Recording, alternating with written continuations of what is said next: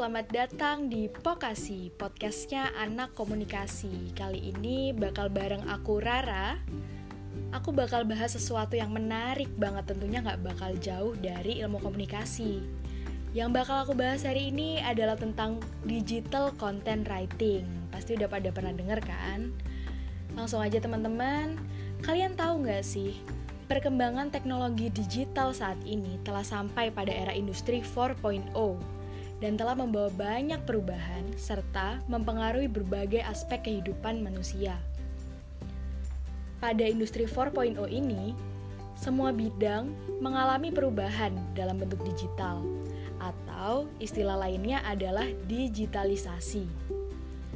Era digital membuat manusia memiliki kebiasaan baru yang tidak bisa lepas dari perangkat elektronik Kemajuan teknologi ini dapat membantu meringankan dan mempermudah pekerjaan yang mereka miliki. Nah, kehadiran teknologi digital memunculkan sebuah istilah baru, yakni digital content. Terdiri dari dua kata, yaitu digital dan konten, yang berarti sebuah konten dalam beragam bentuk format, baik itu teks, gambar, tulisan, video, audio, atau sebuah kombinasi yang diubah dalam bentuk digital, sehingga konten tersebut dapat dengan mudah dibaca dan dibagikan melalui platform media digital seperti laptop, tablet, dan smartphone. Persebaran digital konten di Indonesia sendiri cukup banyak loh teman-teman. Beberapa orang memanfaatkan teknologi digital untuk menyebarkan konten yang mereka buat, baik itu berkaitan dengan bisnis, pendidikan, hingga personal branding. Ditambah lagi kehadiran media sosial yang dapat memperluas jangkauan konten yang mereka bagikan agar bisa dilihat oleh banyak orang. Jika udah seperti ini, maka konten yang dibuat sebaiknya tidak asal-asalan, agar orang lain yang melihat konten tersebut akan tertarik. Untuk itulah, dibutuhkan seorang content writer untuk mewujudkan hal tersebut. Kalian tahu nggak sih apa itu content writer? Content writer ini udah jadi fenomena profesi yang diminati kalangan profesional muda pada era digital saat ini.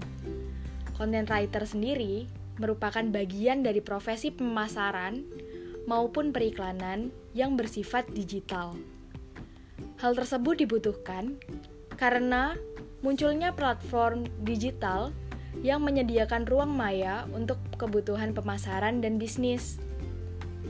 Terlepas dari kebutuhan pemasaran dan bisnis, content writer dalam dunia komunikasi sangat dibutuhkan pada kegiatan penulisan media. Tentu saja, yang menjadi fokus dalam kegiatan penulisan media mengerucut pada penggunaan media digital, seperti situs atau website, blog, portal berita, marketplace, hingga jejaring sosial. Dengan demikian, jumlah pengunjung situs atau blog akan tetap atau bertambah. Jasa content writer ini didasari atas keterampilan seseorang dalam membuat penulisan konten berita maupun artikel pada situs digital. Apa sih kunci terpenting dalam menjadi content writer? Nah, aku bakal bagiin tips buat kalian yang mau jadi content writer. Salah satunya yaitu keterampilan.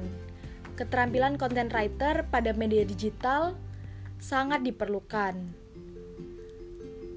Yang terpenting untuk menjadi content writer, kita harus jelas, ringkas, dan kredibel.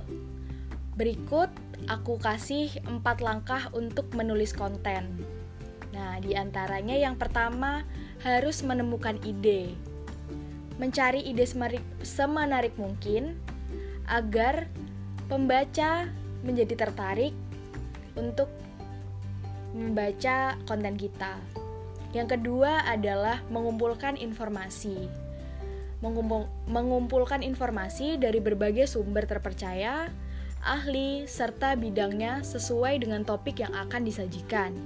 Yang ketiga yaitu mengumpulkan bahan atau data. Data dikumpulkan sesuai dengan informasi yang didapatkan. Dan yang terakhir, yang keempat, mulailah menulis. Tentukan judul headline semenarik mungkin pada tulisan yang akan dipublikasi. Teman-teman, selain empat hal yang telah disebutkan, menjadi content writer khususnya di Indonesia juga harus memiliki kemampuan untuk menyesuaikan isi konten tersebut dengan target audiens. Mengingat tidak semua masyarakat di Indonesia memiliki latar belakang yang sama, jadi konten yang dibuat juga harus menyesuaikan dengan audiens agar bisa dimengerti dengan baik. Originalitas juga dibutuhkan dalam membuat konten loh teman-teman. Selain agar tidak mem memperburuk citra perusahaan, originalitas juga berfungsi untuk mengasah kemampuan seseorang content writer untuk mengembangkan materi yang ada sehingga bisa menjadi sebuah konten yang menarik dan tidak pasaran. Nah, teman-teman, udah pada tahu kan apa itu content writing, apa itu content writer? Jadi teman-teman, untuk menjadi seorang content writer, aku udah paparin ya tadi apa aja yang harus dilakuin. Semoga podcast hari ini bisa membawa manfaat buat teman-teman terutama yang pengen jadi content writer ya. Oke, aku udahin ya. Terima kasih udah dengerin. Dah.